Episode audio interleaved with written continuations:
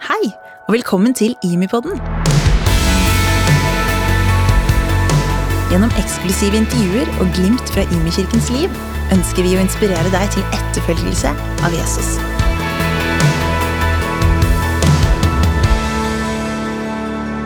Hei og velkommen til IMI-podden. Mitt navn er Egil Elling, jeg er en av pastorene her i IMI. Og vi har valgt i ei tid som er annerledes, og ca. en gang i uka ha en podkast hvor vi snakker med gode venner om ulike sider ved livet i denne annerledes tida. Og i dag så har vi gleden av å ha med en god venn eh, her på huset og en del av pastorteamet her. Martin Cave, velkommen. Takk skal du ha. Du Martin, jeg har lyst til å spørre du som spør, spør alle andre gjester vi har hatt på. Hvordan har denne koronasituasjonen påvirka du personlig? Ja, vi snakker av og til om lockdown, og det er klart at livet mitt bærer òg preg av at eh, livet har helt andre typer rammer og begrensninger i dag. Eh, hvis du snakker om det ytre.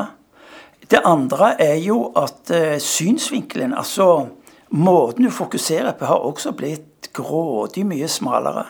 Fordi at det er en hel masse impulser, ting som du normalt sett var en del av, som har på et vis naturlig måtte bli lagt til side. Og det tredje er jo òg at eh, eh, denne tida som berører hele kloden, eh, hvor vi plutselig alle er like. Det er, det er helt snålt, det der. Eh, vi er plutselig like. Enten du er kommer fra den sida, det politiske, eller du kommer fra den sida av det såkalte sosiale status, så er vi plutselig likestilt. Det i seg sjøl syns jeg er ja, Jeg, jeg syns det er fascinerende.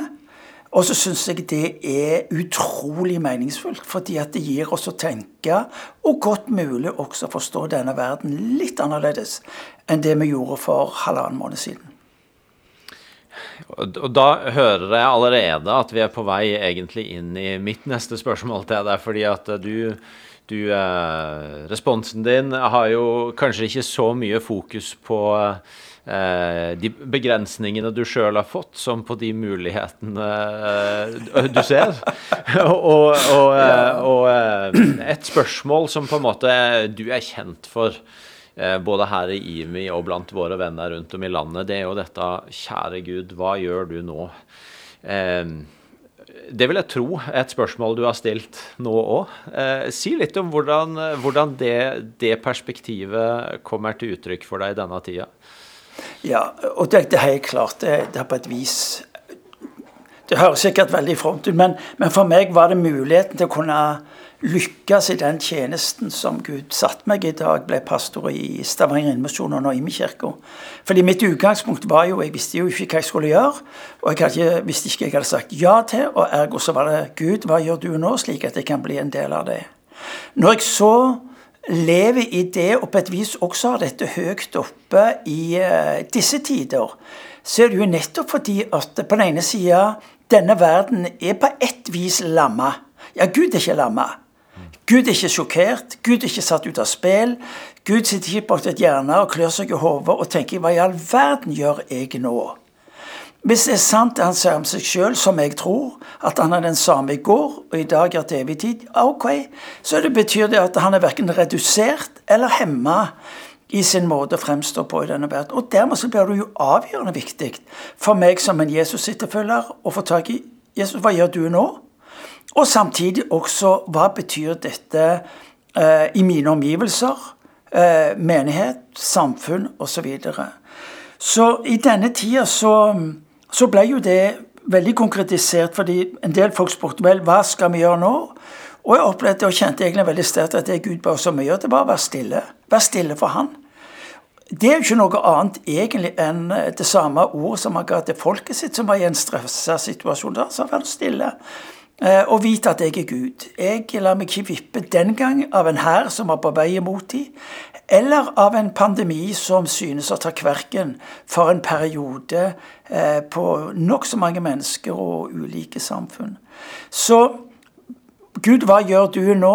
betyr ikke nødvendigvis at du har svaret, men du har et fokus, du har en forventning til at han som sier om seg sjøl at mine tider er i de hånd, der skal jeg få lov til å hvile. Så jeg har i denne tida på den, andre, på den ene sida Altså, det er klart jeg er redd. Ja, i den grad så kan du si jeg er redd ved at jeg forholder meg til de kloke retningslinjer som jeg tror landets ledelse gir oss. Jeg forholder meg til klare, eh, en klar måte å oppføre meg på i forhold til omgivelsene, avstand og alle disse ulike tingene. Men samtidig så kjenner jeg på at dette Gud eh, Du er fremdeles på tronen, som de gamle sa. Og til deg står min forventning. Til deg er mitt fokus. Ja. Og Fokus, som du sier, det, det, er jo litt spennende her. for Jeg husker i en av de tidlige samtalene vi hadde i teamet vårt, så var en ting du sa, det var 'nå er det andre som tenker for oss'. Eh, og jeg opplevde ikke at du sa det på, noe, på noen negativ måte, men, men, men, som et innsteg til et fokus på at nå, nå må vi jo i stor grad forholde oss eh, menneskelig talt til de meldingene vi får fra myndigheter osv., både om utvikling og hvordan vi skal forholde oss. Og så blir likevel spørsmålet hva er, hva er det unike vi som kirke har å, eh, å, å, si og komme med inn i denne tida? Og da har jo et av de initiativene du har tatt, det har vært å samle noen av de profetiske stemmene i vår menighet, noen fra det profetiske miljøet, for å søke Gud i denne tida. Kan du si litt om hvorfor og hvordan det ser ut? Eh, La oss ta et skritt tilbake, Erling. Fordi at, eh, fordi at jeg tror det er litt viktig for oss å få tak i at på den ene sida vi, vi, skal være svært takknemlige for at vi har den ledelsen av landet som vi har. Eh, det å ha tillit til ledere av land, det er, det er ingen selvfølge når vi hører hvordan enkelte oppfører seg. Eh, det andre som jeg syns er uhyre viktig i denne tida, at samtidig som vi hører på hva landets ledelse sier, er det viktig for oss å få Men hva sier Gud? Og så tror vi at det bibelske materialet som vi har, les, har foran oss å lese, sier noe om denne profetiske dimensjonen. Vi leser i Gamle testamentet. Eh, det står at eh, eh Amos sier at Gud lar ikke noe skje før han har åpenbart det for sine profeter. Det står i første krønikabok kapittel 12 vers 33 så står det en uhyre interessant. Der David er opptatt med å ramse opp de ulike stammene av krigere, er det plutselig en stamme som får navnet Josiakas. Altså uh, Isakas barn. Uh, de forsto seg på tidene og fortalte israelsfolket hva de skulle gjøre. Det vil si, de forsto seg på tida i samfunnet, men de forsto seg også på Guds tid. Og så var det det å sammenholde de to tingene at de hadde et ord og en retning som de ga folket. Den gang, og jeg tror det samme gjelder i dag. Når vi leser Gud satte i menigheten, så nevnes det ulike gaver. Disse gavene er uhyre viktige for oss i denne tida å være oppmerksom på. For det er klart, eh, vi ender veldig lett opp med å, med å bli veldig sånn eh, eh, fokus på dagen i dag og ønske om å komme tilbake til det vi var. Vi kommer aldri tilbake til det vi var. Det er, jeg holdt nesten på å si, Vi opplever jo nå en type jordskjelv. Og det landskapet vi nå beveger oss inn i, det krever en ny måte å tenke på, en ny måte å handle på. Ja, hva betyr det for Guds folk? Hva betyr det for den enkelte kristne? Og da tror vi at når vi søker Hans ansikt, så vil Han åpenbare sin vilje for oss. Den er ikke i konflikt med Guds ord. Vi har fått et hovedspor. Vi har vår hovedkilde, som er Bibelen. Men vi leser igjen og igjen, både i Bibelen, men vi ser også i historien, hvordan Gud, hvordan Gud taler inn i samfunnet, inn i menneskers liv, på en slik måte at det blir til retning, eh, til hjelp i krevende tider. Så for oss, eh, fordi vi har vektlagt nådegavene eh, på denne måten, eh, så får vi også i dag dra nytte av det. Og så ser vi jo hvordan nettopp det profetiske ordet skaper tro. Det skaper håp, det skaper forventning. Altså Hvis, hvis all vår trøst er at Gud er bare her og nå, så har vi frykt for morgendagen. Men hvis vi våger det profetiske ord, så blir jo nettopp utgangspunktet dagen i dag er jo å bli en del av det Gud gjør i morgen. Når Paulus sier eh, 'jag etter åndens gaver', men mest sier han 'jag etter å tale profetisk', så betyr det at vi skal få lov til å hente fram fra det usynlige inn i det synlige det som ligger på Guds hjerte, det han brenner for. Og jeg kjenner at til det har jeg en utrolig forventning. For som mange har sagt lenge før meg, det vi kommer til på andre sida av tunnelen, det er ikke det vi hadde på, på der vi starta. Ok, men da er Gud en del av det, og jeg vil være en del av det. Og jeg tror det er uhyre viktig for Kirka, Jesus' etterfølgere, til å sikre seg at vi blir med på det Gud gjør i en ny tid. Så vet jeg at sånn helt konkret så har, har du da samla sånn at det er fem personer. Det, det er den begrensninga vi har nå på hvor mange som kan være samla.